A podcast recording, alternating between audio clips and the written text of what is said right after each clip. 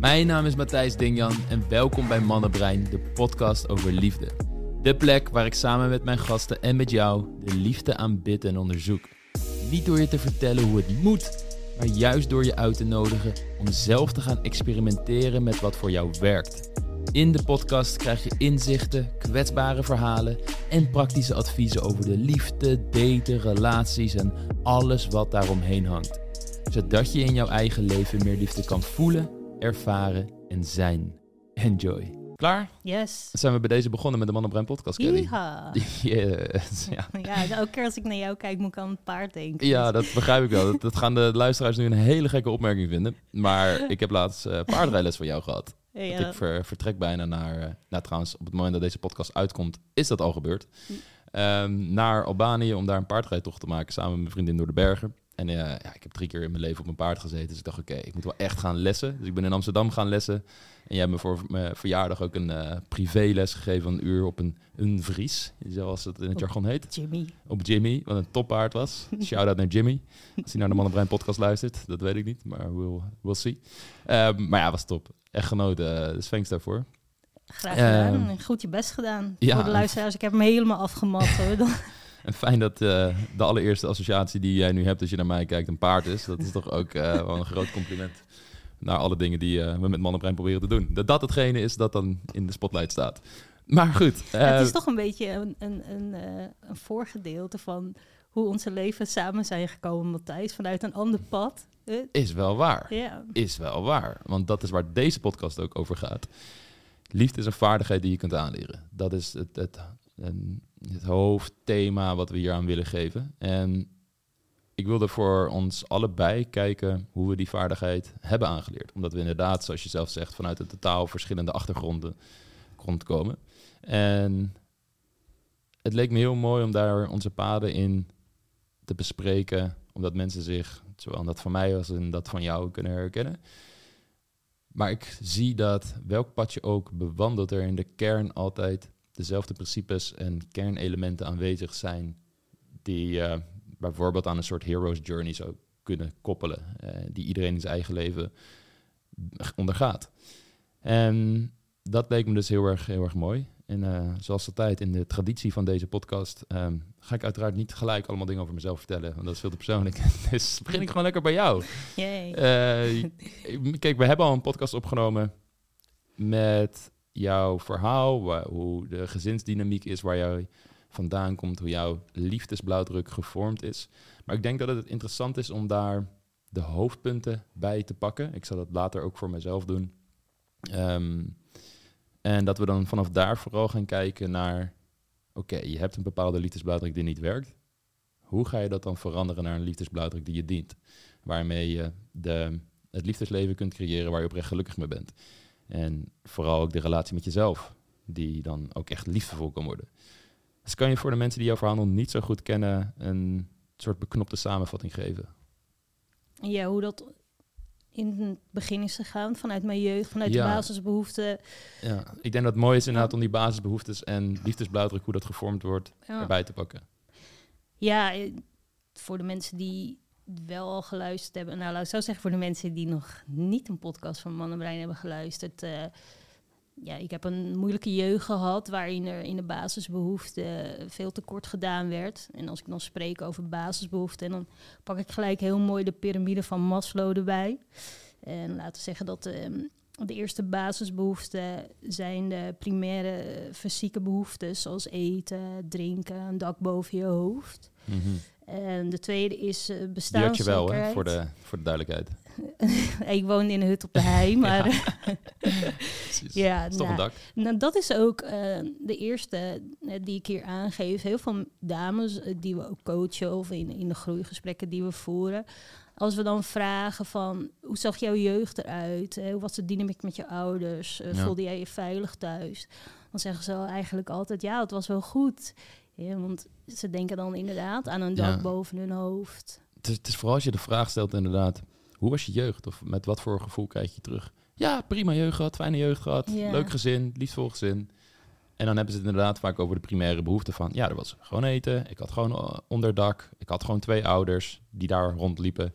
Eh, dus dat is inderdaad wat je daar vaak in terugkrijgt. Maar de behoeftes die daarna komen, Ja, vinden we dan vaak dingen. Ja, inderdaad, zoals bestaanszekerheid, veiligheid. Kijk, als jij bijvoorbeeld een explosieve moeder hebt, waarvan je, dat zij elke keer weer anders reageert, dan voel je je niet veilig. Maar ook de omgeving waarin je opgroeit. Ja.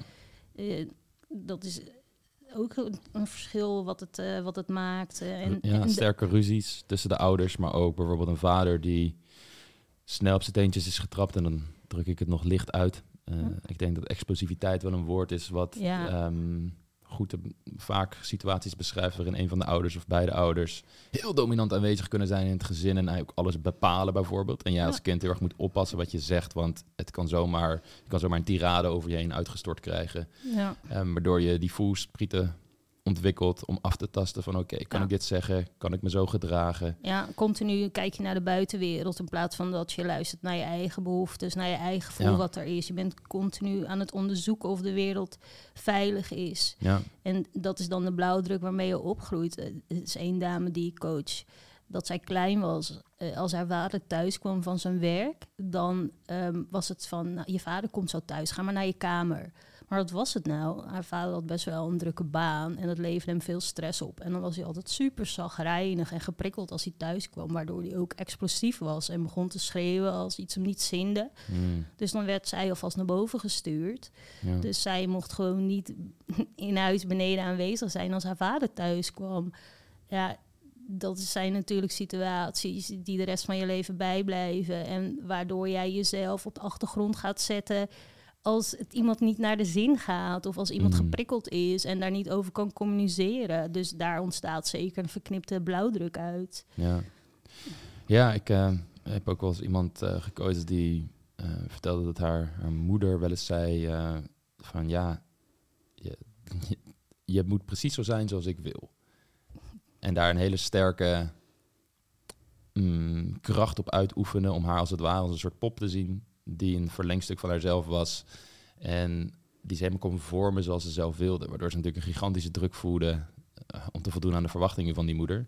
En wat je dan krijgt, of je nou over met zo'n explosieve vader te maken hebt, of met zo'n moeder die een hele sterke druk op je uitoefent om te voldoen aan een bepaald plaatje dat zij in haar hoofd heeft over hoe jij moet zijn, is dat als kind je ouders onmisbaar zijn om te overleven en je een hechtingssysteem hebt wat geactiveerd zal blijven om de relatie met die ouders in stand te houden, hoe onveilig dat in de relatie ook is. Want het is nog onveiliger om alleen op straat te beëindigen en geen verzorgers te hebben. Ja. Dus ons biologische systeem is erop Overleving. ingesteld om dan inderdaad maar te overleven en authenticiteit op te offeren voor hechting. Dus alle behoeftes, uitingen van jouw persoonlijkheid ga je onder een kleedje schuiven, ga je wegfilteren en je gaat je vooral bezighouden met hoe moet ik zijn om deze relatie te kunnen laten werken en ik zo min mogelijk emotionele pijn ervaar. Ja. En daar, in die dynamiek tussen jou en je ouders, wordt dan het fundament gelegd, de heipalen, zo zou je het kunnen zien, van jouw liefdesleven, jouw relatie, blauwdruk, wat je voor de rest van je leven meeneemt, mits je daar niet mee aan de slag gaat. Ja. ja, en dat is wat dan ook ten koste gaat van in, in de piramide van Maslow is eh, erkenning en zelfontplooiing. En Welke laag is dat? De vierde laag is erkenning en de vijfde is zelfontplooiing. Ja. En Dus als je erkenning krijgt, dat zelf, zo ontwikkel je zelfrespect. Mhm. En het, het is ook belangrijk voor jou als kind hoe anderen over je denken. Ja, Dus als je ouders over jou denken dat je er niet mag zijn, dan ga je dat ook voor jezelf ontwikkelen, die gedachte van ik mag er niet zijn, ik word niet erkend, dus ik ben ook niet belangrijk. Mijn, mijn wil heeft geen ruimte, ik, heb geen, ik mag geen behoeftes hebben, ik moet me vooral aanpassen aan wat mijn ouders willen. ja, Eh, en daaruit kom je dus ook tekort dat je jezelf kan gaan ontwikkelen. Want je gaat geen grenzen verleggen, je gaat geen risico's nemen, je gaat jezelf niet ontwikkelen, je gaat geen zelfvertrouwen opbouwen, weten waar je grenzen liggen, voldoening creëren over wat je hebt gedaan. Je, gaat, je blijft dus continu in een situatie zitten waarin je jezelf vooral wegcijfert. Je ontwikkelt naar de behoeften van een ander, waar het op latere leeftijd dus please-gedrag ook ontstaat. ja, Het, wat eigenlijk in de, in de wortel dus vanuit de jeugd al ontstaat. Want je begint al om voor jouw ouders te zorgen, als het ware, in plaats van dat het andersom is. Mhm. Ja, het, en, en nu hebben we dan voorbeelden aangehaald van ouders die eh, overduidelijk negatief gedrag laten zien. Maar het kan ook aan de andere kant zitten dat je ouders te beschermend zijn. En, je op, en alles Ja. voor jou willen regelen, je klein willen, willen houden om je maar te beschermen tegen eventuele gevaren. Die eigenlijk, waarmee ze de angsten die in zij in zichzelf meedragen, projecteren op jou. En jij dat daardoor kan internaliseren, dat kan gaan overnemen. En daardoor zelf bijvoorbeeld heel angstig in de wereld gaat staan. Of je zelfvertrouwen niet echt kunt ontwikkelen tot een niveau dat je veilig genoeg voelt om buiten je comfortzone te treden, de wereld in te gaan.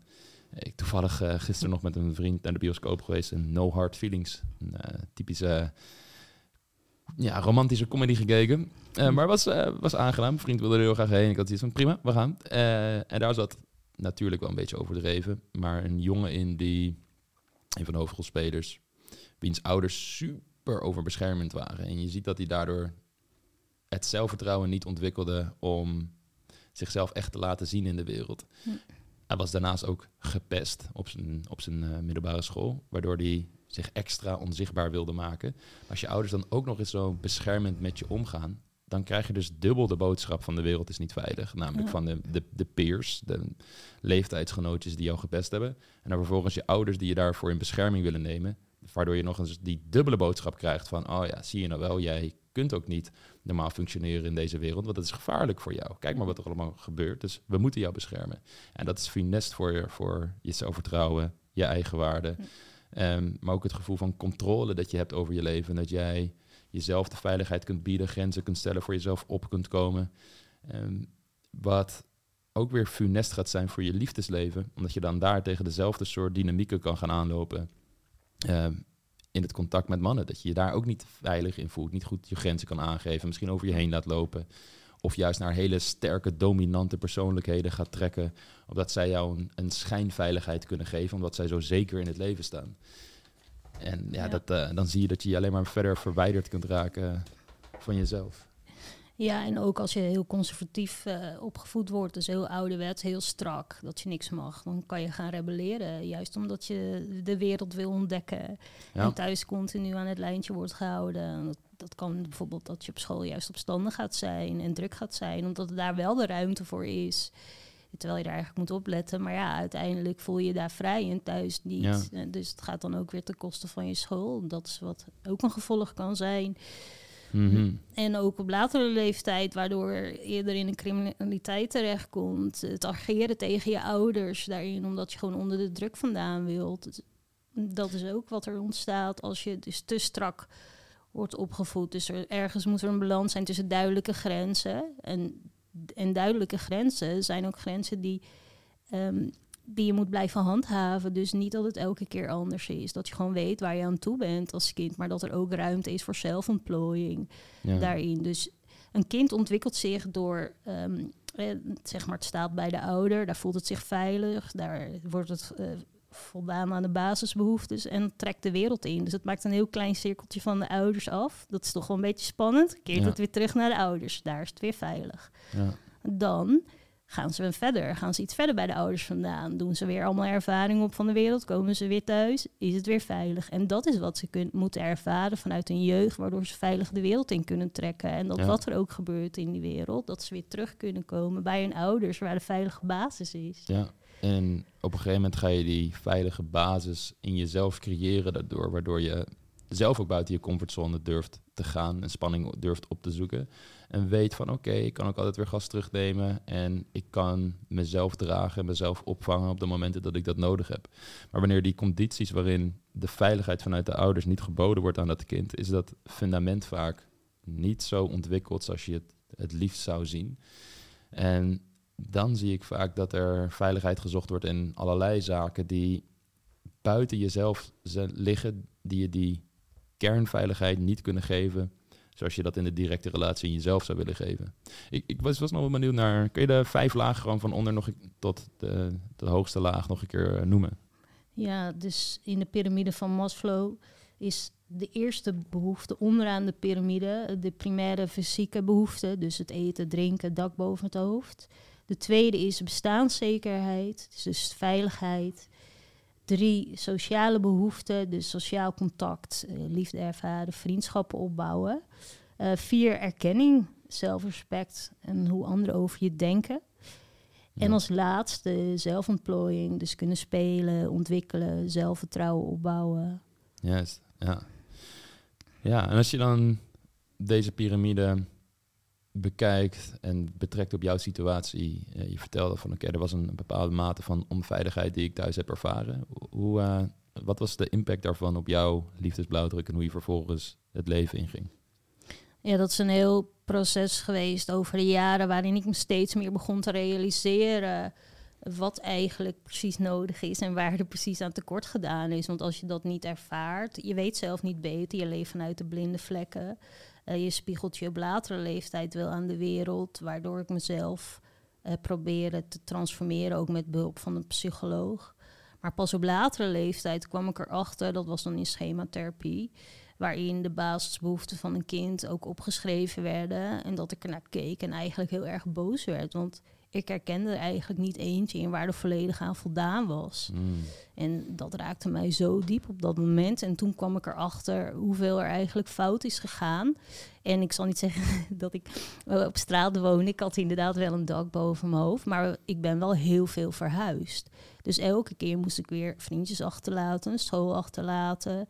Dus daar was, ik voelde me eigenlijk uh, later een beetje een gypsy. Ja. Uh, dus de, daar gebeurde al toch wel veel in mijn hechtingssysteem. Omdat elke keer moest ik alles achterlaten. En uh, ik kan zover terugkijken als ongeveer een jaar of vijf, zes. Op dat moment ben je ook bewust van wat er in je eigen le leven heeft afgespeeld. Wat je je daarvoor herinnert is meestal wat door je ouders verteld is of door anderen. En doordat dat verteld is, kan het ook een ervaring gaan worden voor jezelf. Maar voor wat ik zelf weet, is dat ik ja, toch wel veel heb niet echt thuis heb gevoeld eigenlijk. Um, ik was heel erg zoekende naar waar ik hoorde te zijn en waar het oké was. En mijn ouders waren ook nog gescheiden, dus ik ging ook nog van, van hot naar her, heen en weer. En dus daar begon het eigenlijk al. Maar waar het voornamelijk fout is gegaan, ja, is toch echt wel in um, mijn veiligheid, uh, in, in mijn uh, bestaanszekerheid. En daar heb ik, ja, mijn wereld was gewoon onvoorspelbaar. Um, zowel mijn moeder als mijn vader. En nogmaals, uh, ik vind het al moeilijk om dat over je ouders te zeggen. Omdat ze zelf ook leeft vanuit de patronen en de blinde vlekken vanuit hun jeugd. En ze hebben allebei best wel veel meegemaakt ook. Mm -hmm. Waarom het ook totaal logisch is waarom zij zo in het leven stonden. Maar daarin um, moet je nooit, en dat is ook iets wat ik tegen de luisteraars zeg, want heel veel dames die ik spreek vinden het heel moeilijk ja. om over zo over een oudje te spreken. Ze zeggen graag dat het, dat het goed was, want dat komt ook vanuit het please-gedrag, vanuit het kind voort. Dat als het al fout is gegaan, dat je ook ja, absoluut je ouders niet mag afvallen. Ja. Dus eh, daarin wil ik echt mensen op het hart drukken. Je, je valt je ouders niet af. Je kan gewoon erkennen dat ze fouten hebben gemaakt, zonder ja. dat hun gelijk de slechte mensen op de wereld zijn. Maar exact. dat je wel gaat inzien dat er tekort is gedaan in jouw basisbehoeften. En daar wil je wel gehoor aan geven. Dus ja. je wil die distinctie daarin maken van oké, okay, ik heb het niet gekregen zoals het misschien zou horen, of zeker zoals het eh, zou horen. Maar ik ga nu wel voor mezelf zorgen dat ik uh, dit voor elkaar krijg. Dat ik dit kan herstellen in mezelf. Ik ga voor mezelf zorgen dat die basisbehoeften. Uh, dat, dat, dat dat ja, toch weer. Dat ik die connectie met mezelf ga herstellen. En daar bestaat het in eerste instantie uit. Dus ja, ik kan zo zeggen, mijn moeder die was uh, bijvoorbeeld. Um, ja, ze had, was heel druk met zichzelf. En dan waar het zich in uit is dan. Hè, dat zij zei van ga naar je bed. En dan ging ik niet naar mijn bed, want ik was altijd mooi aan het spelen. En ik was heel zelfredzaam natuurlijk, omdat ja, als je weinig um, regels meekrijgt vanuit huis, omdat je ouders veel met zichzelf bezig zijn, dan ga je ook een soort met van onderzoeken, ontdekken, rondzwerven, laat ik het zo zeggen. Ja. Dus ik had ook, als ik dan wat moest, dan dacht ik ook van, uh, echt serieus, moet ik nu naar bed? kan ik dat niet zelf bepalen? Mm. zo.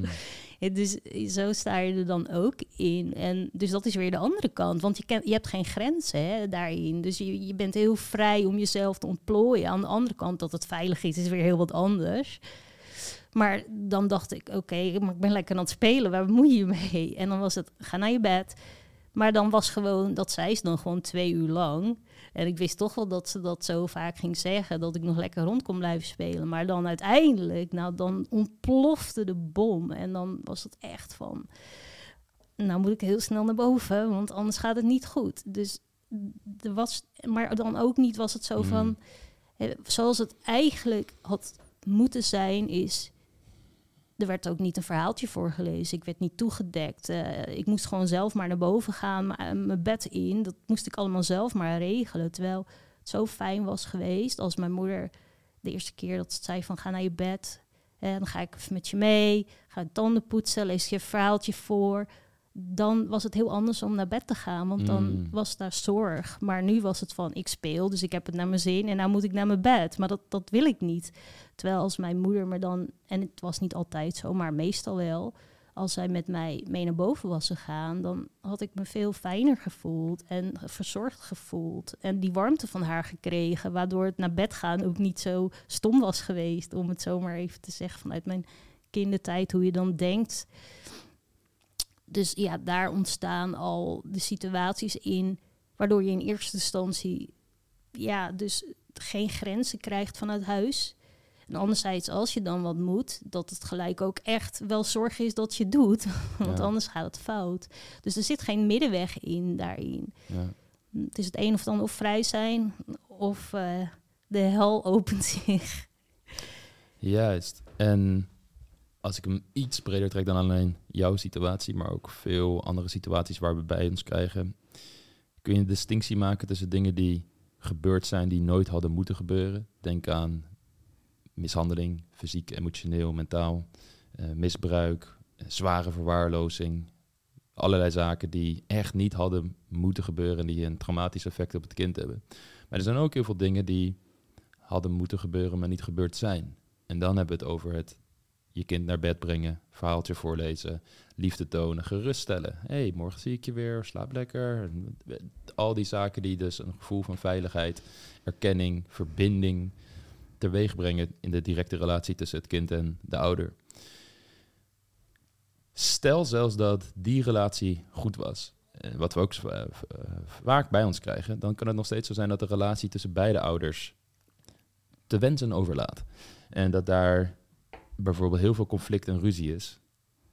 Wat natuurlijk een verkeerd voorbeeld geeft voor het kind over hoe liefdevolle relaties er tussen mensen uitzien. En het kan ook zijn dat je ouders misschien helemaal niet meer met elkaar praten, maar voor de kinderen nog bij elkaar zijn. Of dat je moeder um, eigenlijk al bij vader weg wil, maar voor de kinderen nog maar in die relatie blijft zitten. Wat de dynamiek daar ook is.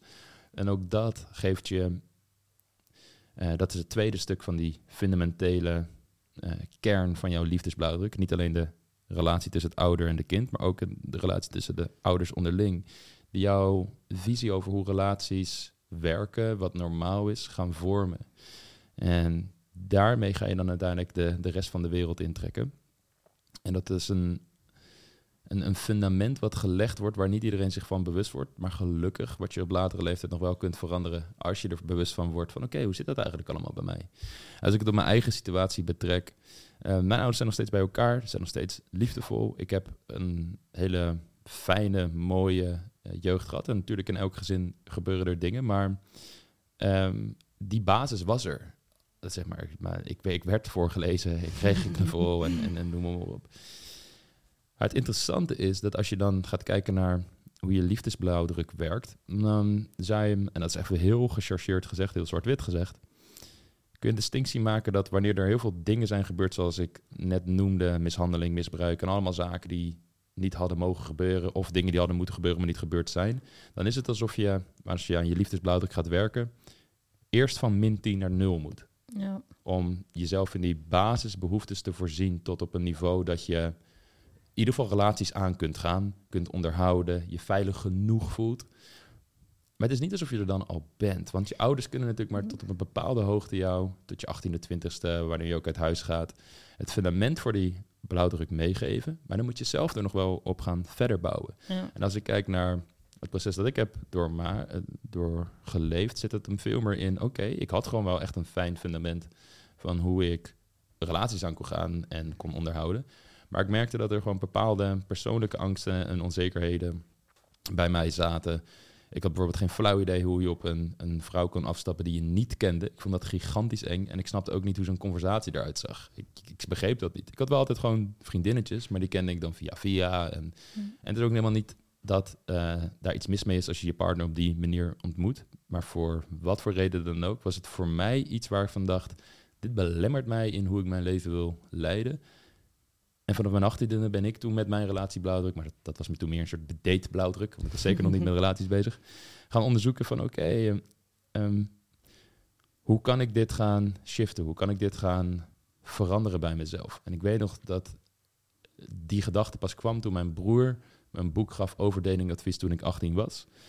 En dat zorgde voor een paradigma shift van hoe ik naar de wereld keek, omdat ik dacht, hmm, dit boek predikt dat je datevaardigheden kunt ontwikkelen en daarmee aantrekkelijker kunt worden voor de andere seksen. Als dat echt zo is, dan is mijn hele beeld van liefde niet kloppend. Want ik dacht, je bent gewoon zoals je bent. Hm. Op basis van hoe jij bent en hoe goed jij bent in flirt, op iemand afstappen, hoe angstig je daarvoor bent, kom je uiteindelijk gewoon in een relatie te, terecht. En dat that's it. Daar, daar zit geen groei in. Het was een hele erg fixed mindset. Wat dat boek deed, is mij een growth mindset geven en laten zien van nee, het is een soort baseline waar jij nu bent, gevormd door gewoon alles wat je hebt meegemaakt. Dan ging dat boek niet zo diep, maar dat is iets wat ik later begreep. En hier kun je in groeien en hier kun je in leren. En toen dacht ik, oh wauw, als, het- als dit klopt en ik kan dit... Ik was nog totaal niet bezig met datingcoach worden voor anderen of wat dan ook. Maar ik dacht, als ik dit voor mezelf kan ervaren, dan verandert dit echt de manier waarop ik naar de hele wereld kijk. Dit, gaat, dit, is, dit is veel groter dan alleen liefde. Dit gaat om persoonlijke ontwikkeling tot in de kern. En, ehm, en menselijke groei aan, aan zich. Ja, dat werd een reis van mijn 18e tot mijn 23e, waarin ik dit zelf helemaal aan het leren was. Veel, veel cursussen volgde, wel veel videocursussen, om helemaal in deze wereld te storten. En dat was toen een tijd nog echt wel een beetje een gekke wereld. Nou, misschien dat heel veel mensen nu ook denken van datingadvies is nog steeds een gekke wereld. Maar toen de tijd, eh, ik ben nu 31, dus we hebben het over eh, tien jaar geleden, plus minus, was het, het heet het vooral ook nog pick-up. En dat waren pick-up artists. En het- ik heb me altijd heel erg, ik heb heel veel gecringed terwijl ik in die wereld rondliep.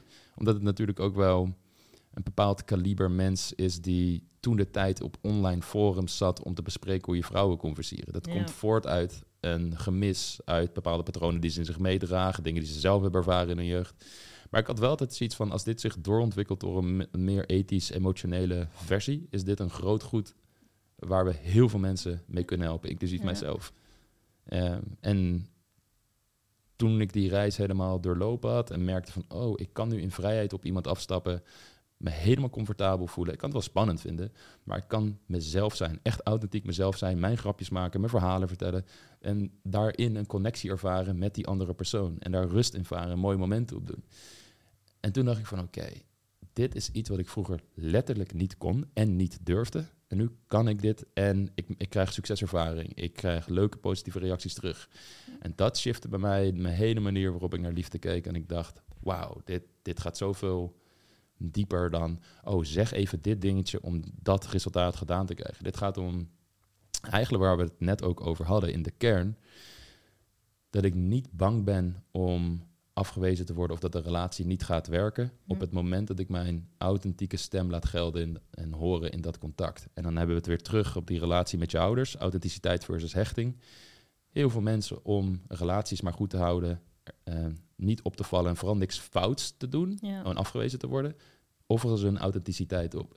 En ik denk ehm, dat dat ergens ook een belangrijk principe is dat we hiermee bezig zijn, omdat ehm, je wordt ook wel gesocialiseerd en daardoor zijn misschien sommige kanten die ik ook in mij meedroeg, die Hm. minder fijn waren voor het contact met andere mensen.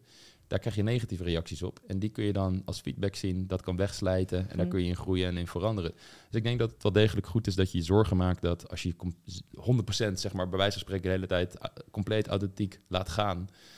Dat het goed is dat je daar ook juist een rekening mee houdt van oké, maar wat is dat dan? Eh, wat voor impact heeft dat dan op andere mensen? Dus Ja. dit, dit soort mechanismen zijn denk ik noodzakelijk om een goed functionerend mens te worden in een, in een, in een groep. Eh, Ja. Maar je moet je er wel bewust van worden, omdat als je dat niet hebt, dan kun je de hele tijd allerlei patronen blijven uitleven waar jij van denkt, ja, dat is authentiek aan mij. Sure, dat lijkt zo, maar wellicht is dat een bijvoorbeeld een afweermechanisme dat je al heel je leven met je meedraagt, waardoor het lijkt dat alsof het een authentieke gedraging Ja. is, maar eigenlijk is het een mechanisme om je tegen emotionele pijn te beschermen. En als je dat mechanisme zou loslaten, zouden er kanten voor jouw persoonlijkheid kunnen opbloeien die echt authentiek zijn aan jou en die veel meer vreugde, liefde en plezier gaan brengen in het leven. Ja, dan is het geïnternaliseerd en dan weet je niet beter dan dat je vanuit die staat in het leven naar het leven kijkt, omdat Ja. je zo bent opgegroeid. En een heel mooi voorbeeld daarin is, jij vond het moeilijk om vrouwen te benaderen. Ik ben heel zelfredzaam opgevoed. Laat ik het zo gewoon netjes zeggen. Dat was alle vrijheid. Dus ik vond het helemaal niet spannend om mensen te benaderen. Ik had dat ontzettend ontwikkeld, omdat Mm. ik echt op zoek was als kind van waar kan ik terecht. En dus wat dat betreft had ik die angst niet. Maar wat gebeurde er? In mijn blauwdruk, in de basisbehoeften, was er niet voldaan. Dus er was ja, veel onstabiliteit daarin. Ik durfde bijvoorbeeld wel mannen te benaderen. Maar dat waren meestal niet de juiste mannen. Ja. En omdat het vanuit. En het, de hechting ontstond ook vanuit een verkeerde basis daarin. Dus waardoor ik ook geen fijne, veilige relaties kon ervaren. Dus ik durfde het wel. Mhm. Maar ik trok niet per se de juiste mannen aan. Wat bedoel je met juist? Iemand die ook veilig hecht is. Iemand die emotioneel volwassen is. Ehm, kijk, niemand is perfect. Laat ik dat voorop stellen. Maar er is zoiets als ehm, weten ehm, wie je bent. Ook al ben je niet compleet, zeg maar, maar er open voor staat van... ik, ik kan aangeven wat mijn behoeftes zijn, laat ik het zo zeggen. Eh, Ik Mhm. weet misschien niet hoe ik een moeilijk gesprek moet voeren, maar ik kan dat aangeven. Eh, en niet, ja, is heel ingewikkeld om dit uit te leggen. Maar als je in de, in de basis niet geleerd hebt om jezelf uit te spreken, eh, hoe het is ziet om, ook als je het uitspreekt, dat je veilig bent. Dus een, een, een niet juiste man, om het zo maar dan te Mhm. zeggen, is iemand die de veilige basis niet heeft ervaren. En nog heel erg zoekend is en niet weet hoe hij moet communiceren eh, daarin. En ik snap dat niet iedereen dat kan. Eh, dat is wat jij ook zegt. Hè? eh, je kan ook, je moet eerst vaardig worden, ook in, de- in de liefde, in de relatie. Hè? Want als je juist bent opgegroeid, veilig opgegroeid, wil nog niet zeggen dat je ook een goede relatie kan opbouwen. Ja. Maar de onzekerheid die daarin in meespeelt, dus niet kunnen communiceren, het, het terugtrekken, eh, reageren vanuit eh, behoeftes.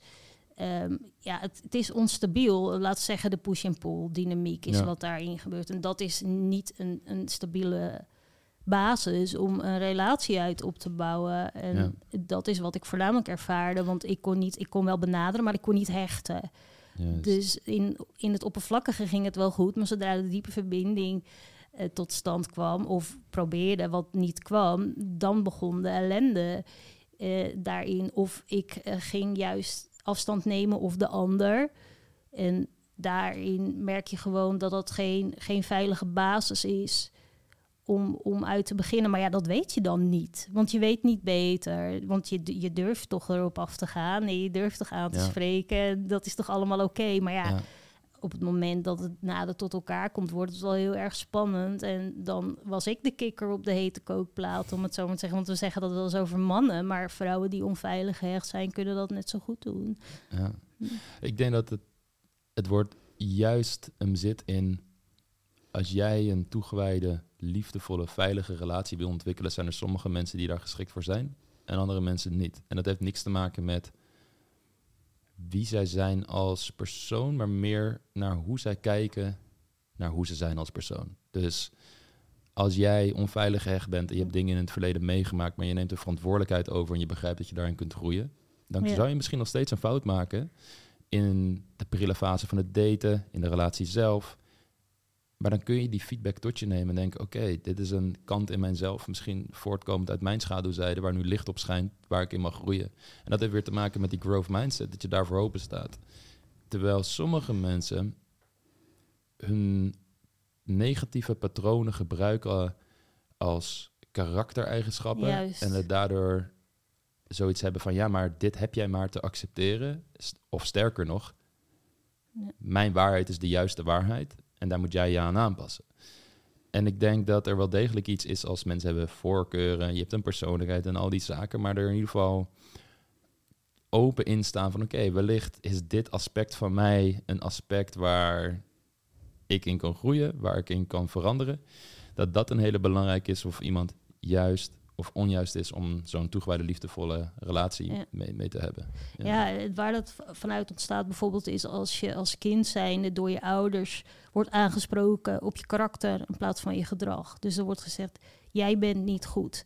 In plaats van, dit gedrag keur ik niet goed. Ja, Carol Track heeft daar hele mooie onderzoeken over, uh, voor Fixed and Growth Mindset, voor mensen die dat uh, verder willen uitdiepen en dat interessant vinden. Maar sorry, ja, ga verder. Nee, geeft niet. Maar daar gaat het, ontstaat het probleem dus. En want daarin worden ze zelf afgewezen. Waarin ze op latere leeftijd je, zichzelf ook weer afwijzen. Ja. En, en dat zijn dan uh, de, de, mannen waarvan ik zeg, ja, als dat over een langere tijd geweest, maar ook vrouwen, die gewoon heel veel moeite gaan hebben om te hechten.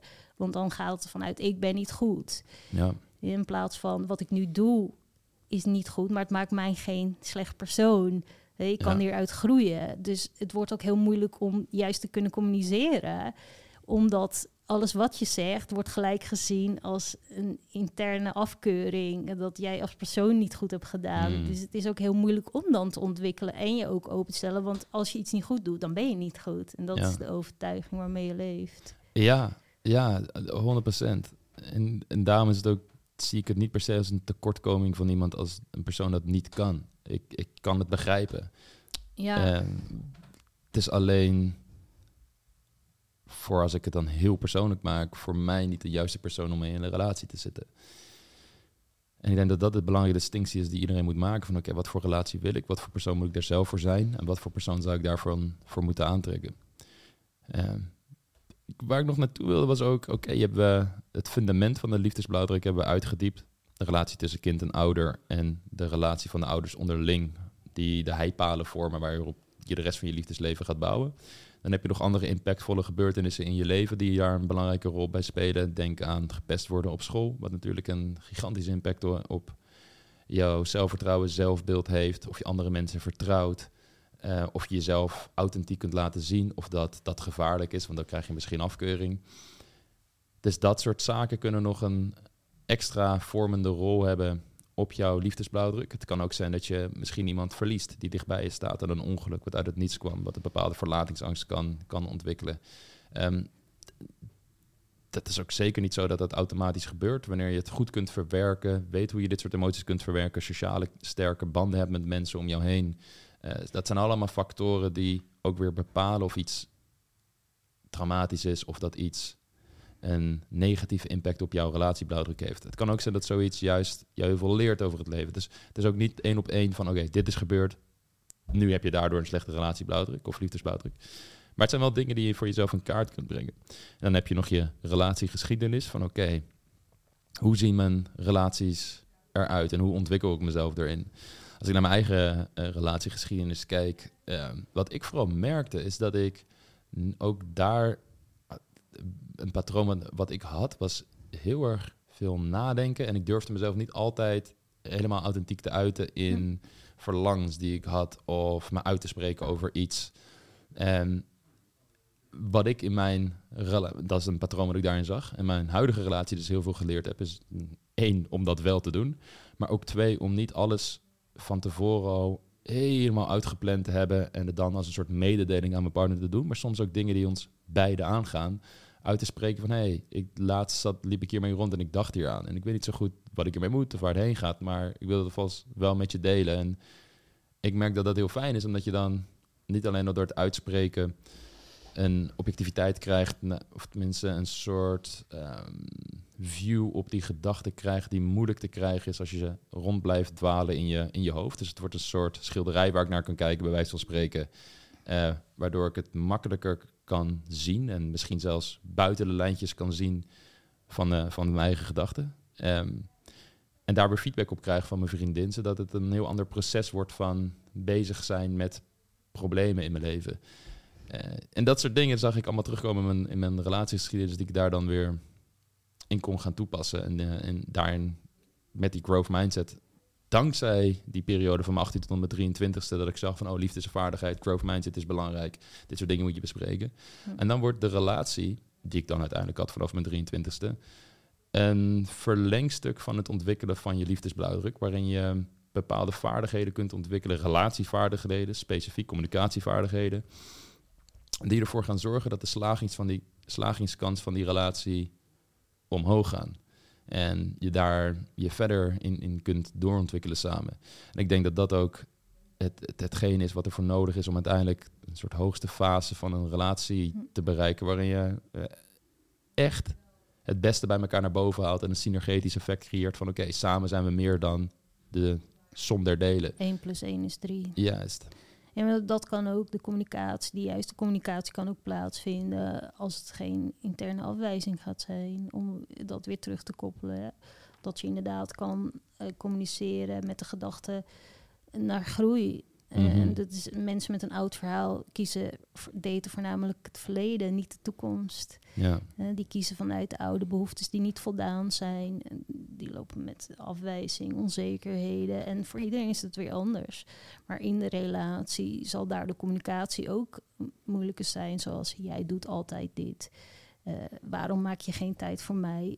In plaats van hé, hey, ik zou het leuk vinden als we wat vaker tijd eh, samen doorbrengen. Mhm. De- Dus de, ze zijn niet vaardig. Ze weten niet hoe ze het moeten communiceren. Dat hebben ze vanuit thuis nooit meegekregen.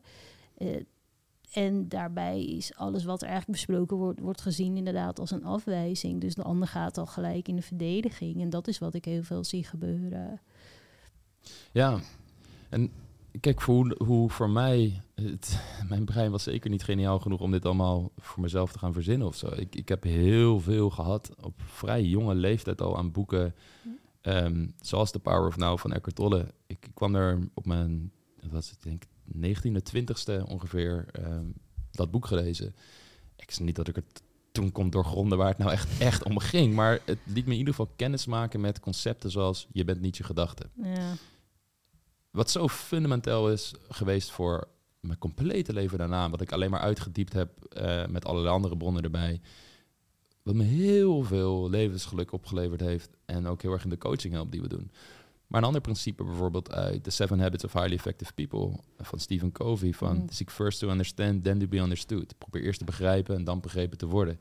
Dat is zo krachtig principe in de communicatie tussen mensen. Wanneer je echt de ander het gevoel geeft van... oké, ik wil jou echt begrijpen. Ik ga niet al een soort projectie op jou doen... over wat ik denk dat jij zegt... en waar ik al van besloten heb dat ik het er niet mee eens ben. Nee, ik kan alles wat jij zegt zien als informatie... zonder dat ik het voor waar of onwaar moet nemen. En ik kan daar een open gesprek met je over hebben... om je echt te doorgronden en te begrijpen. En als ik dat echt heb en ik heb je dat gevoel begrepen... dan ga ik pas vertellen hoe ik over naar de zaak kijk.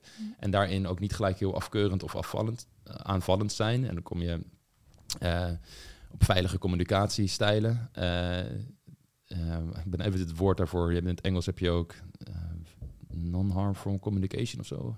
Ik ben even. jij weet ik het mag geen Engelse woorden van jou gebruiken. ja, maar de- de- ik ben even Nee. mijn namen kwijt. Sommige mensen zullen het vast weten. Laat me weten in de comments. Maar ehm, ik ben Normaal ben ik heel goed in de Engelse woorden, maar nu de kan naam ik je ook kwijt van de man die dit allemaal heeft eh, verzonnen. Maar anyways, dus dan is het weer een stukje vaardigheid van... oké, hoe breng je dan jouw verhaal weer? En jouw kant van het verhaal. En kijk, dat zijn dingen waar ik allemaal mee in aanraking kwam op vrij jonge leeftijd. En mijn, vanaf mijn 22e ongeveer, 23e ben ik dit werk fulltime gaan doen. Dus ben ik me met niks anders meer gaan bezighouden. Maar dat deed me wel beseffen van ja, eh, ik heb hier echt weken, maanden, jaren van mijn leven in zitten. En ik heb nu pas het gevoel dat ik het echt goed begin te begrijpen en in mijn systeem heb. Eh, en er is nog zoveel ruimte voor groei. En, en dat zal ook altijd zo blijven. Maar het deed me wel denken van ja, als jij in overlevensstand staat. Hè, en, Ja. je, en je hebt daarnaast moet je eerst nog aan je primaire behoeften voldoen. Overleven, dat is Zoals het. geld verdienen, dak boven je hoofd en dat soort zaken Ja, en je zit in bijna nog een soort fight-or-flight modus, ja, dan is de eerste stap gewoon naar die piramide van Maslow helemaal naar het begin gaan. ja. Veiligheid gaan ervaren, trauma's verwerken, zodat je überhaupt weer ruimte en energie hebt om over dingen na te En denken. een boek te lezen. En een boek te lezen.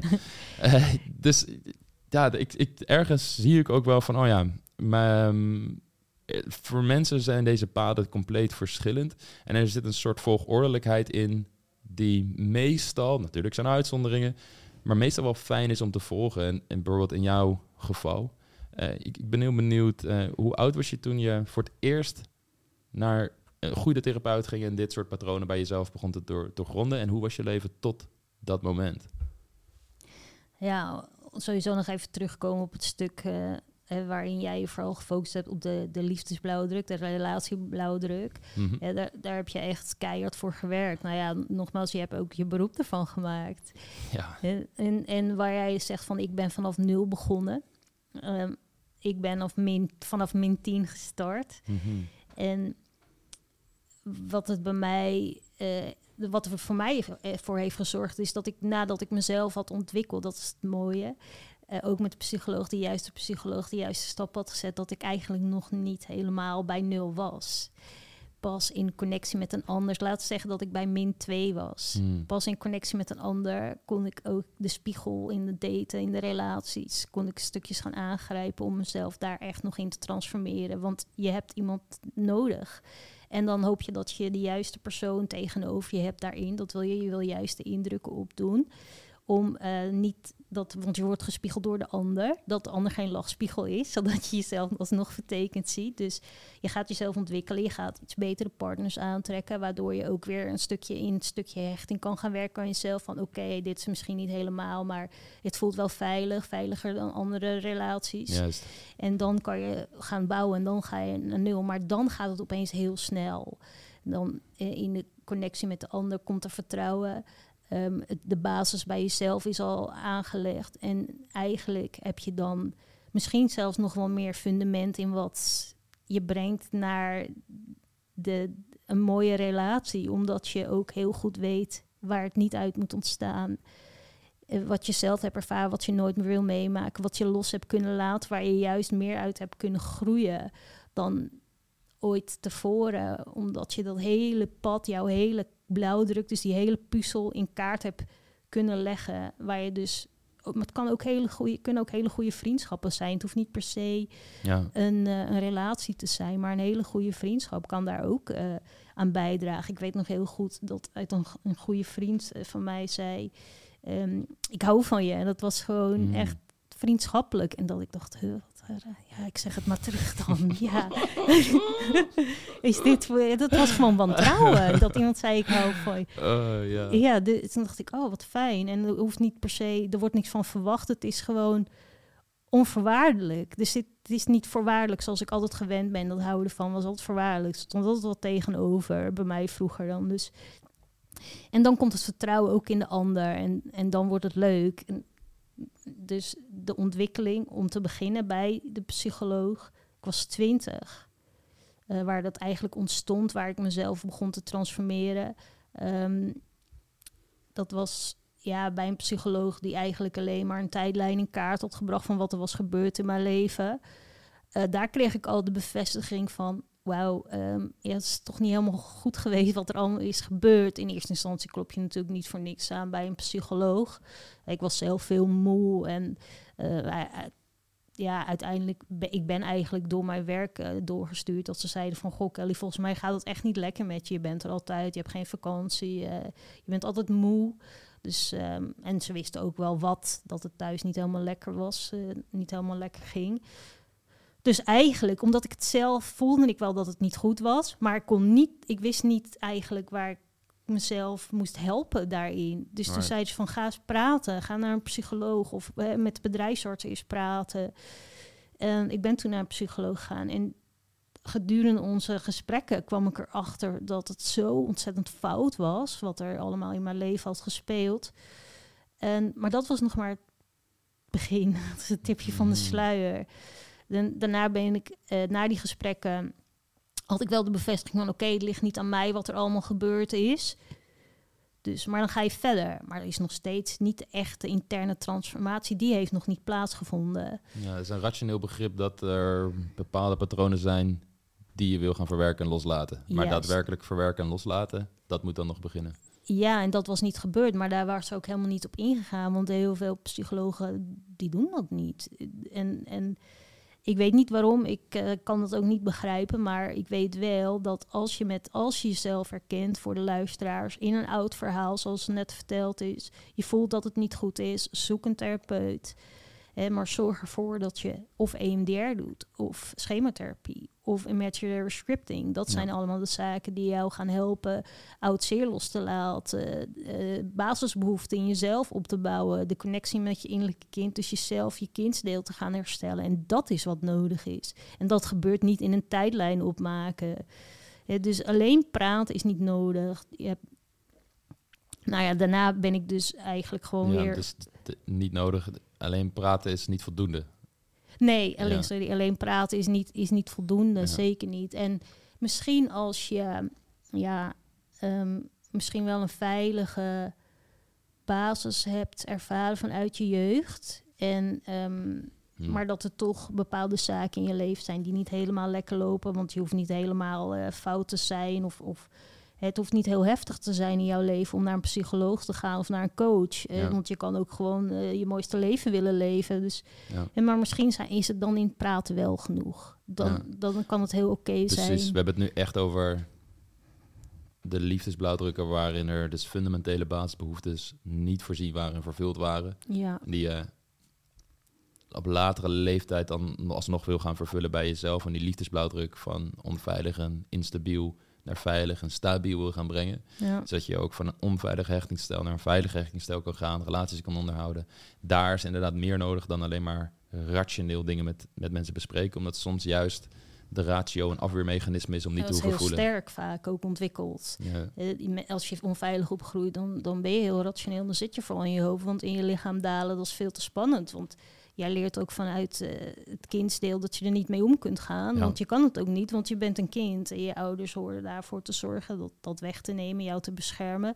Maar de wereld is heel onveilig. Dus eh, je groeit ook op met de gedachte dat het onveilig blijft. En je daar uh, machteloos in bent. Ja. Daaruit ontstaat dan, noemen ze dan in de psychologie de willoos inschikkelijke. Van ik, ik heb geen, geen wil hierin. Ik, ik, ik laat dat allemaal gebeuren, omdat ik niet weet hoe. Ik kan het niet aanpakken.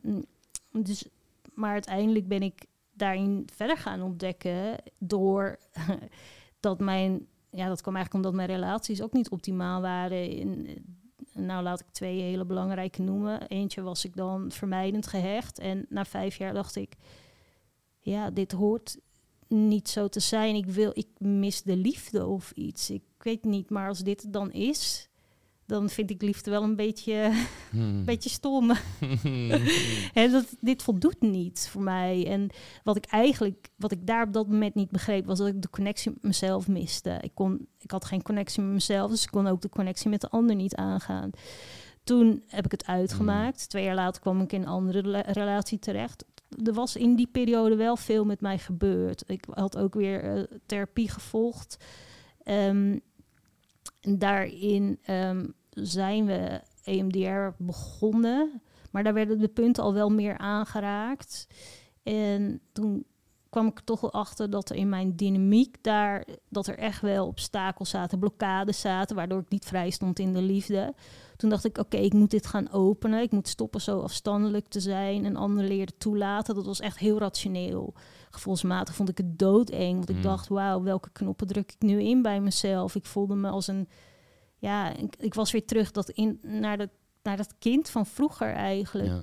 En dus wat deed ik in die relatie? Begon ik weer heel erg aan te klampen. Want ik dacht, oh mijn god, waar gaat dit heen? En, en, en ik was echt totaal mezelf niet. En ik schaamde me voor mezelf. Ik dacht, wat is dit voor een raar gedrag? Maar ik kon er niks aan veranderen.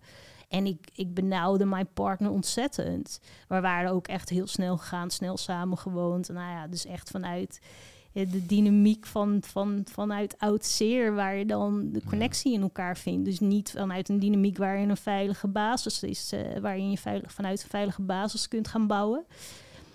en om heel kort daarop in te gaan, omdat we het zo vaak voorbij zien komen, denk ik dat het goed is om, dat, om die dynamiek uit te diepen. Wat er gebeurt als je een onveilige, instabiele liefdesblauwdruk hebt, is dat je veiligheid en, en controle gaat zoeken in zo snel mogelijk die relatie officieel maken. Want ja. dat moet je de bevestiging geven dat het goed zit en dat het veilig is en dat je echte liefde kunt ontvangen. Die liefde waar je zo naar snakt, omdat je het in de directe relatie met jezelf niet kunt ervaren. Dus het is een leegte. En vanuit die patronen ga je die snelle hechting aan. En dat zorgt er dus voor dat je soms een partner aantrekt die dat oké vindt, dat het allemaal zo snel ging, omdat zij zelf ook uit zo'n onstabiele, instabiele basis komen. En dan krijg je dus die typische relaties die of heel snel eindigen of haakt af omdat het allemaal veel te snel gaat en omdat een man zich bijvoorbeeld niet bewust is over zijn eigen gevoelswezen en zich laat leiden door lust, de nieuwigheid en bepaalde onvervulde behoeftes bij zichzelf. Dat hij er helemaal in meestemt en dan gaat het heel snel en er wordt al schatje gezegd en je ziet elkaar vier keer in de eerste week en uh, op een gegeven moment denkt hij, oh shit, uh, zij gaat me ook terug schatje noemen en ze wil me zien. Maar wat voel ik nou eigenlijk? Dat weet ik niet helemaal. Shit, twijfels. En dan is het moment dat hij afstandelijker gaat doen, dat hij niet weet wat hij voelt. En dan komen er dingen bij zoals, ja, ik heb het toch wel heel druk met mijn kinderen en mijn werk en noem maar op. En dan komt er een soort chaos in dat hele contact, waardoor je als vrouw nog verwarder achterblijft. En andersom kan het net zo goed, hè, dat de man verward achterblijft. Maar er komt in ieder geval chaos in dat contact. En ik dacht, maar hoe kan het nou? Want ze zijn zo snel gegaan. Hij noemde hem schatje, hij vindt me zo leuk. En, hè, hoe, maar dat komt allemaal vanuit die instabiele basis. Terwijl stabiel, veilig contact heb je er vertrouwen in dat als het voor jou goed voelt, dat je rustig aan kan doen, omdat het goed voelt. Ja. En je weet van ja, als dit zo voor mij voelt, dan kan ik gewoon me helemaal tot rust laten komen in het contact en mijn leukste kanten laten zien, omdat ik mag vertrouwen op mijn eigen intuïtie. En als de, de ander dat niet voelt bij mij, is dat oké. Dan is dat niet de man voor mij. Maar omdat het voor mij zo goed voelt en ik kan vertrouwen op mijn eigen intuïtie, ga ik er wel een beetje vanuit dat het voor hem ook goed zit. En vanuit die basis kunnen we gewoon rustig elkaar leren kennen, elkaar opbouwen en gaan kijken of we bij elkaars leven passen. En ik heb hem niet nodig om veiligheid, controle, goedkeuring, erkenning, verbinding, liefde in mezelf te ervaren. Want dat heb ik al als een fundament in me zitten. Waardoor ik vanuit dat fundament op een rustige, kalme manier kan gaan onderzoeken of ik dat ook in het contact met hem kan ervaren. Omdat er wel degelijk een stuk van goedkeuring, erkenning, veiligheid, liefde, controle, verbinding ervaren wordt in de dynamiek met een ander persoon. Dus het is niet alsof je dat helemaal altijd compleet aan jezelf moet geven. Er is een gedeelte wat je aan jezelf geeft en er is een gedeelte dat je in de romantische contacten vindt, maar ook in je familierelaties, in je vriendschappelijke relaties, in je werk, in je relatie tot de wereld, tot passies. En dan zou je merken dat het daten ook veel leuker wordt. Want je is opeens ruimte om niet bezig te zijn met allerlei angsten. Laten we zeggen dat 100% dat je uh, gedachten 100% vormen. Dan is er misschien in een instabiele liefdesblauwdruk gaat er gewoon 50% naar allerlei doemscenario's en angsten en weet ik wat allemaal. Dus als je dat niet in je meedraagt, is die 50% over om gewoon plezier te hebben. En te denken, oké, waar heb ik zin in? En deze grap die ik wil maken, maak ik. En, ik. en je blijft je eigen mooie leven leiden. Dat is dan hoe zo'n contact eruit ziet. En vaak is het dus zo dat mensen heel snel gaan, dat het vanuit een instabiele liefdesblauwdruk komt. En dan helaas geen grote kans van slagen heeft. Ja, zeker. Wij, in, in, dat geval, wij konden elkaar al, waren collega's. Dus dan ken je elkaar natuurlijk wel. Maar na twee maanden, ik heb hem twee jaar afgehouden. Want ja, ik ik was op dat moment gewoon echt met mezelf bezig. Ik doorliep zelf een proces. En toen op een gegeven moment ja, kregen wij wat met elkaar, maar binnen twee maanden woonden we al samen. Uh, dus, maar ja, in zijn verleden had ook veel vrienden achter elkaar verloren in één jaar tijd. Dus eh, er mm. was zeker wat getriggerd daar. Dus in het begin waren we ontzettend uh, vastgeklampt.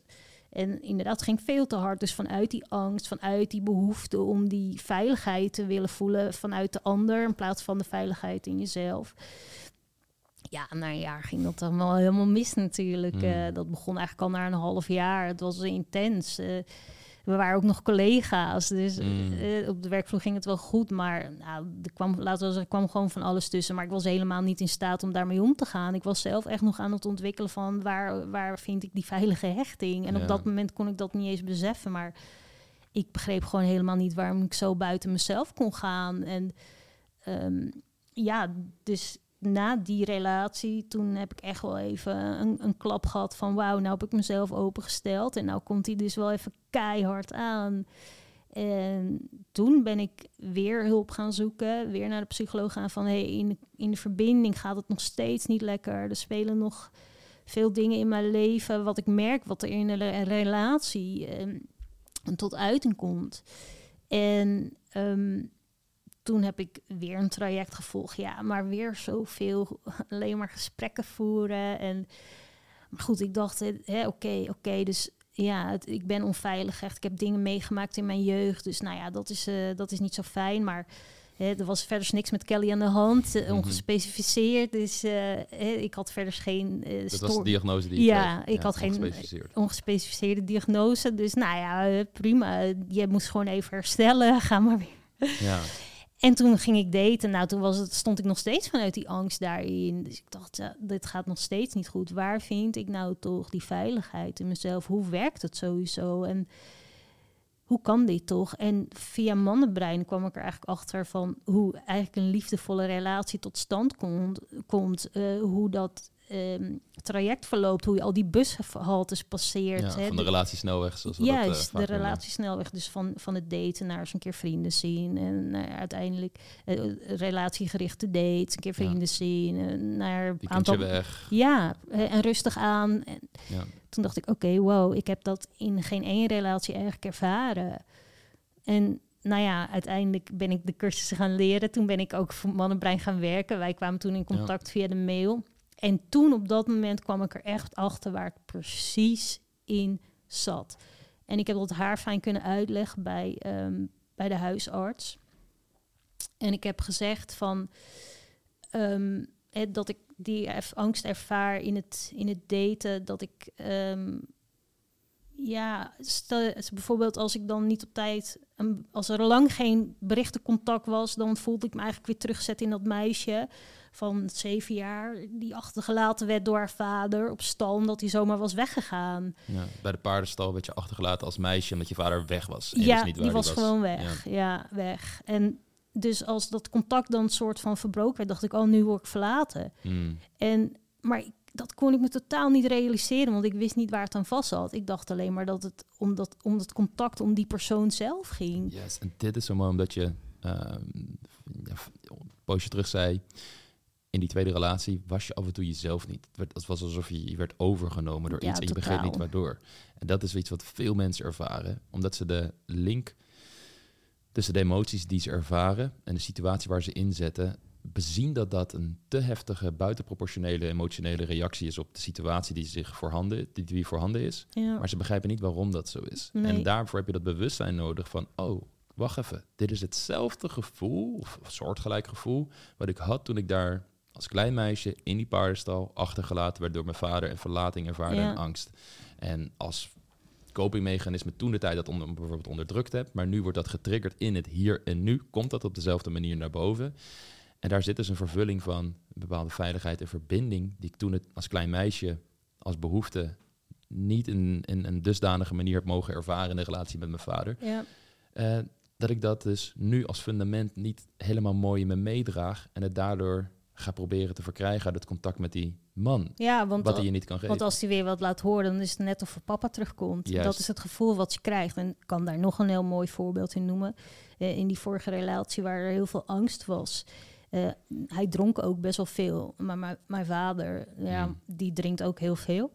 Laat ik het verder geen naam geven. Mhm. Maar als hij dronk, dan veranderde zijn gedrag ontzettend. Dus dan werd hij onbetrouwbaar. Eh, Ja, dat was hij sowieso wel, maar met drank veranderde hij helemaal. En Mm. daar was zoveel wispelturigheid. Dus elke keer als mijn partner begon te drinken, dan dacht ik, oh, oh wat gaat hij nu doen? Daarin eh, gaat hij nu vreemd? Gaat hij, wat, wat gebeurt er? Want ik wist totaal niet wat ik moest verwachten daarin. Eh, Dus en dat is, maar ook toen wist ik niet dat het daaraan gekoppeld zat. Van Ja. hey, dit is gedrag van, van nu, van, van een partner, wat vasthangt aan een, Mm. aan een patronen vanuit vroeger, die jouw vader vertoonde, waar mijn hele blauwdruk uit was opgebouwd. Maar ik zat daar niet van hey, ik voel me nu onveilig, want dit ken ik, herken ik vanuit vroeger. Dit is geïntegreerd in mij. Dit zit in mij, in mijn ziel, in mijn wezen zit dit. Wist ik veel. Ik had echt geen flauw idee. Dus wat ik probeerde was uiteindelijk, hè, was het gewoon niet de partner van mij, want ik hou gewoon niet van mensen die heel veel drinken en dat deed hij wel. Maar ik kon daar ook niet voor mezelf in kiezen, want ik wist ook helemaal niet waar die liefdevolle relatie uit ontstond en hoe die tot stand kwam. En ik had daarin voor mezelf moeten kiezen van, nee, ik, ik- iemand die veel drinkt, die past niet bij mij. Ik, Ja. ik hou daar niet van, maar ik kon die keuze ook niet maken omdat we eigenlijk zo snel waren gegaan en ik al helemaal aan hem gehecht was uit angst, dat het dus veel moeilijker was om uit die situatie te stappen. Ik wilde helemaal niet inzien dat hij niet de juiste voor mij was. Ik wilde alleen maar harder mijn best doen, zodat hij misschien ander gedrag ging vertonen. En dat is wat ik deed. En het, het vreemde was, nadat het over was, was ik er heel snel weer overheen eigenlijk. Want de angst was weg. Het voelde eigenlijk wel lekker. En daarin, maar ik had wel heel duidelijk het besef van nu gaat het niet goed. Dus toen ben ik weer naar de psycholoog gegaan.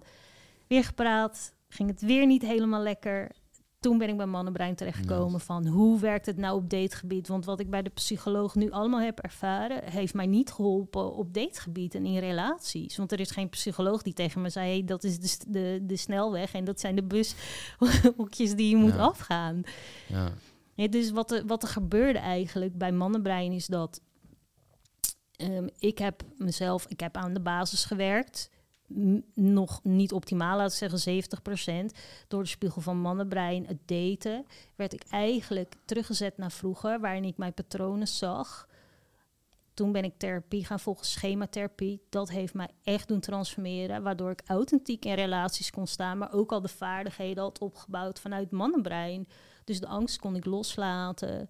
Door middel van schematherapie um, opnieuw die, die ervaringen van vroeger daarin duiken en mezelf te helpen en de connectie te herstellen met mezelf. En heel veel mensen vinden dat een beetje vreemd, zoals imaginary scripting. Want dan ga je echt terug naar je jeugd. Dan moet je je weer voorstellen in die situatie waar je toen stond. Nou, laten we het voorbeeld nemen van mijn vader van, van stal waar hij me achterliet. Dus je gaat echt terug naar die tijd.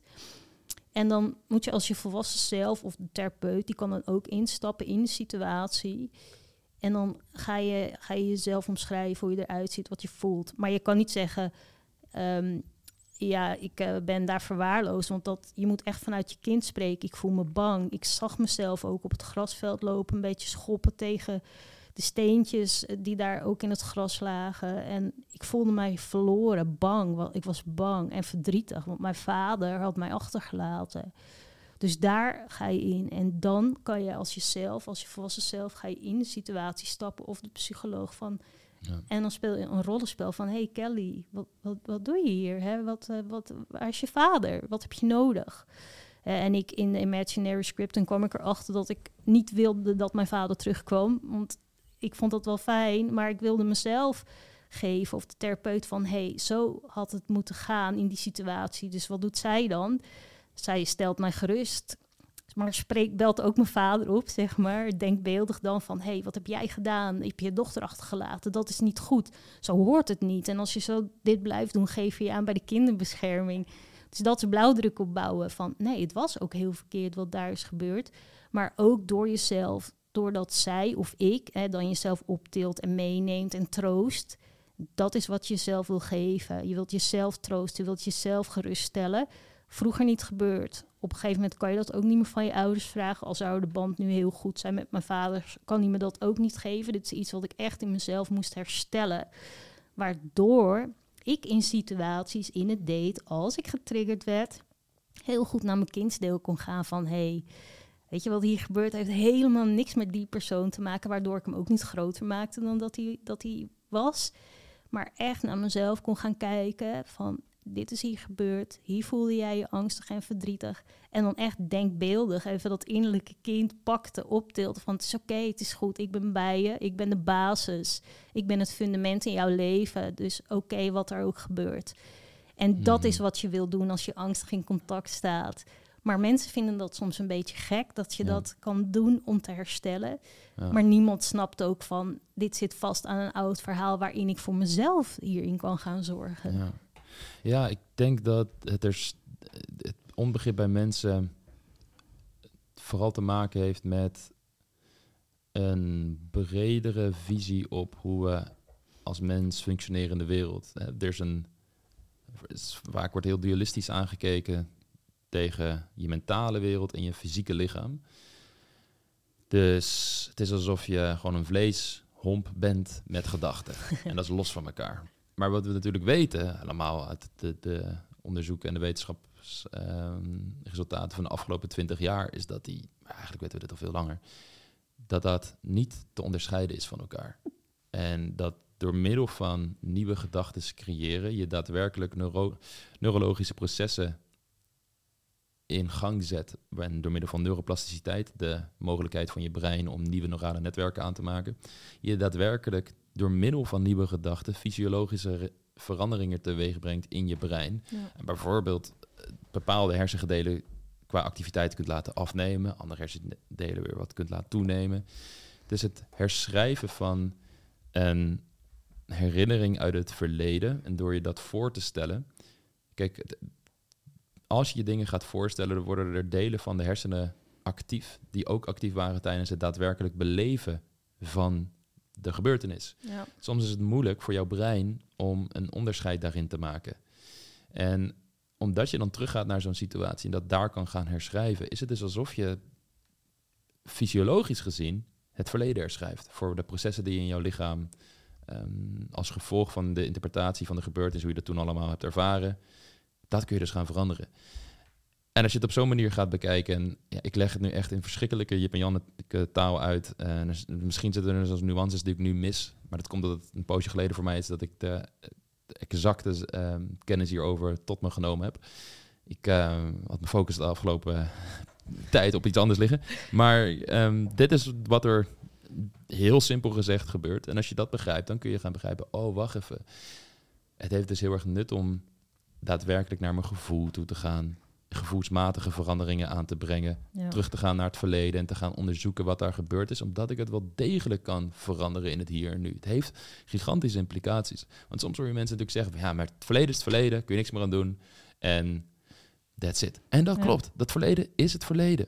Maar wat het met jou van binnen heeft gedaan, dat leeft hedendaags. Juist. En dat is het stukje waar je aan kunt, kunt sleutelen en wat je kunt veranderen. Wat Ja. een gigantisch impact heeft op hoe jij in het heden door het leven gaat. Ja, en wat er op dat moment ook gebeurt, is dat je het niet meer buiten je zoekt, maar innerlijk dat je naar jezelf gaat kijken. Ja. Dus je bent niet meer bezig naar, met die ander dat hij die behoeftes moet vervullen. Je gaat dat juist loslaten, waardoor je ook jezelf, en waardoor je ook naar, anders naar die ander gaat kijken. Omdat je loskomt van die angst. Je gaat het in jezelf opbouwen. Dus de mannen die voorheen interessant waren, die zijn dat helemaal niet meer. Want die hoeven niks meer te vervullen. Die triggeren geen angst meer. Dus je gaat op andere types vallen en ook andere types aantrekken Ja. daarin. En het is ook niet zo dat elke keer als jij dan getriggerd raakt, dat je dan eh, even een imaginary scripting doet, of van een kwartier lang. Ja. Helemaal niet. Dat is het begin. Het is eerst een externe vaardigheid wat je wil internaliseren, het gevoel wat je daar teweeg brengt aan jezelf, het zorgen voor jezelf. Dat gaat op een gegeven moment komt dat in jezelf. En hoe kan ik dat omschrijven? Voor mij voelde dat als eh, door die imaginary scripting te doen, door in de hedendaagse situaties het te kunnen loskoppelen en mijn innerlijke kind ehm, in mijn gedachten te omhelzen, op te tillen.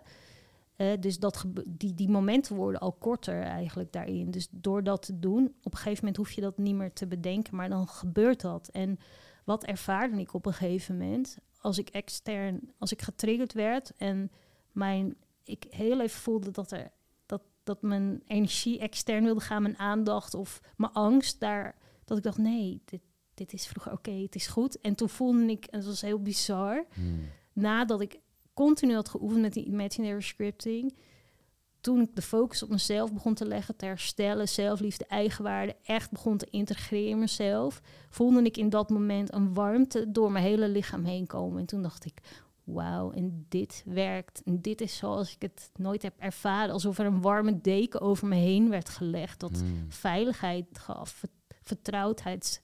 En dat is wat ik zelf had ontwikkeld. Op dat moment wist ik dat ik een heel groot patroon echt had doorbroken. Ja, want wat je doet in schematherapie, imaginary scripting, wat weer een tool is, die een stabiele liefdesblauwdruk ontstaat dus door ouders die afgestemd zijn op het kind en het leren emoties te reguleren, bewust te zijn van het gevoelswezen, veiligheid te ervaren. En de volwassene, die geeft dat aan het kind als het ware, door de manier waarop ze met dat kind omgaan en het voorbeeld dat ze daarin geven. En er zijn nog heel veel andere factoren, maar dit is eh eventjes makkelijk voor het verhaal om het duidelijk te maken. Wat je later kan doen, is die gezonde afstemming tussen een volwassene en het kind hercreëren. En zoals jij net al noemde, dat wanneer je dat zelf niet geleerd hebt en je gaat terug naar zo'n situatie, dat de therapeut als de rol van die volwassene, wat we dan de gezonde volwassene noemen, laat zien Ja. Hoe het had moeten gaan en hoe die gezonde afstemming eruit ziet, zodat je dat op latere leeftijd alsnog kunt leren. Ja. En wanneer je die gezonde volwassene heel erg gaat ontwikkelen, dan kun je dus al die basisbehoeftes, zoals veiligheid, controle, goedkeuring, erkenning, verbinding en liefde, in jezelf gaan ervaren. En vanuit daar dan in het contact met mannen gaan staan. En dat zorgt dat het dan allemaal verandert. Wanneer je een man tegenkomt die zelf vanuit een instabiele liefdesblauwdruk en een hoop onveiligheid handelt, dan past dat niet meer bij de gezonde volwassenen die jij in jezelf hebt ontwikkeld en de stabiele liefdesblauwdruk die je hebt ontwikkeld. Waardoor je hem niet als een fout mens ziet misschien, maar wel merkt van, Ja. oh, nou, dit is geen persoon met wie ik een liefdevolle, stabiele relatie kan opbouwen. En dat is oké, die filter er sneller tussenuit, want die raakt niks meer bij jou, waardoor je achter hem aan gaat lopen. En de mannen die een stabiele basis hebben, en een stabiele liefdesblauwdruk, dat gaat opeens voelen als thuiskomen, omdat dat resoneert met hoe jij je van binnen voelt. En dan ga je merken van, oh, dit is zo fijn dat je gewoon iemand hebt die enthousiast is om mij te zien. En wanneer, ik, eh, wanneer we een mooi intiem moment hebben gehad en we wat leuke dingen met elkaar ondernomen en we voelden, voelden allebei daarbij wat, dat hij daar niet bang van wordt, maar dat hij dat fijn vindt. We en dat kunnen denkt, moeilijke gesprekken voeren. Juist, en als er wat gebeurt, kunnen we een moeilijk gesprek voeren waarbij het hoeft niet in één keer goed te gaan. Misschien is dat gesprek zelf in het begin zelfs heel lastig. Hebben we daar even ruzie over, maar komen we later weer bij elkaar terug om die en zeggen we van, hé, hey, weet je, ik heb daar toch wat te bot gereageerd. Of ik heb daar toch... Dus we kunnen verantwoordelijkheid nemen over ons aandeel daarin. Daar, dat zelfs zien als groeien. En ook echt bij elkaar inchecken van, oké, hey, hoe kan ik dit op een volgende keer misschien anders doen? Ja. En dat, dat, dat je dat dan gaat ervaren, dat bouwt allemaal aan die gezonde volwassenen en de stabiele liefdesblauwdruk. Ja, en als het in het begin, tijdens de imaginary scripting, stapt dan de psycholoog in. Omdat je eigenlijk helemaal niet weet hoe je moet handelen in die situatie. Ja. Want je gaat terug naar het kindsdeel. Dus zij laat in eerste instantie zien hoe er gereageerd had moeten worden. Dus hoe, hoe is die gezonde basis dan? En door dat vaak te doen, ga je dat zelf erkennen. En kan je het ook zelf toepassen. En dan ga je zelf instappen. En dan ga je zelf de situatie regelen. Waardoor je je toch ook vaardig voelt om het in het hedendaagse leven met een partner te kunnen doen. Alleen mis je nog steeds het stuk daarin weer op datinggebied.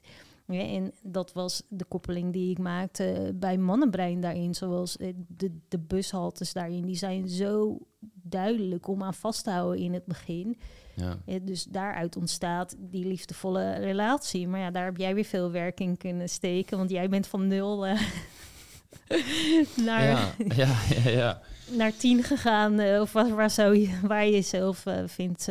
Ja, en, die- dat, ik zat er net nog over na te denken ook. Want kijk, zo'n van min 10 naar 0 en 0 naar 10 is een concept wat je helpt om dit soort dingen te begrijpen. Maar ziet altijd als een kaart van de realiteit die nooit 100% de realiteit vertegenwoordigt. Dus Ja. ik denk dat je op een gegeven moment op een punt komt dat je dat concept van min 10 naar plus 10 weer los kunt laten. En gewoon naar mensen kunt kijken als een verzameling nurture-eigenschappen en een verzameling nature-eigenschappen die ze vormen en bepalen hoe ze in het hier en nu zijn. En eh, dat het dus niet zozeer gaat om, oh, deze persoon die zit nog op min 8 en die is min, ehm, die is plus 8, waardoor die hiërarchisch gezien verder is op liefdesgebied dan die andere persoon. Ik denk dat juist op een gegeven moment, en dat is dus een beetje de paradox van deze metafoor, dat als je bijvoorbeeld vanaf plus 5 dat hele concept ook weer loslaat en het gaat er gewoon om van, hey, voel ik me prettig in het contact met andere mensen en noem maar Ja. op. En niet zozeer een soort waardeoordeel over hoe ver ontwikkeld iemand is.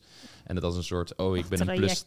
Weet je wel, van ja, ik ben eh, heel veilig gehecht. eh, en die daarmee moreel verheven voelt boven andere mensen. Dus dat is Nee. niet de, de, ik wil het toch even noemen, de insteek van dit soort metaforen. Maar het helpt je wel als concept om te begrijpen, wat is mijn pad hierin? En hoe kan ik dit soort dingen zien? Ja, dat is, toch heb je dat ook nodig om daar soms aan vast te houden. Dat is net zoals, Zeker. zoals eh, de, van, van daten tot relatie.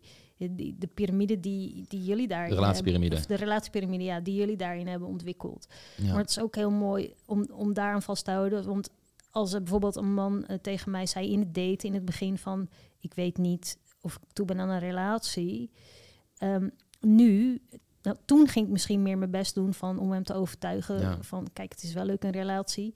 Nu denk ik, oké, deze man heeft hierin, om percentages aan te geven, heb ik misschien 30% kans dat het wat gaat worden. Het is misschien een interessante man, laat ik het gewoon eens aankijken. Ik kan dit, want ik kan in mezelf blijven staan. Is hij er toch niet aan toe? Prima, heb ik het geprobeerd, leek me een leuke man, maar dan is het niet de man voor mij. Ja.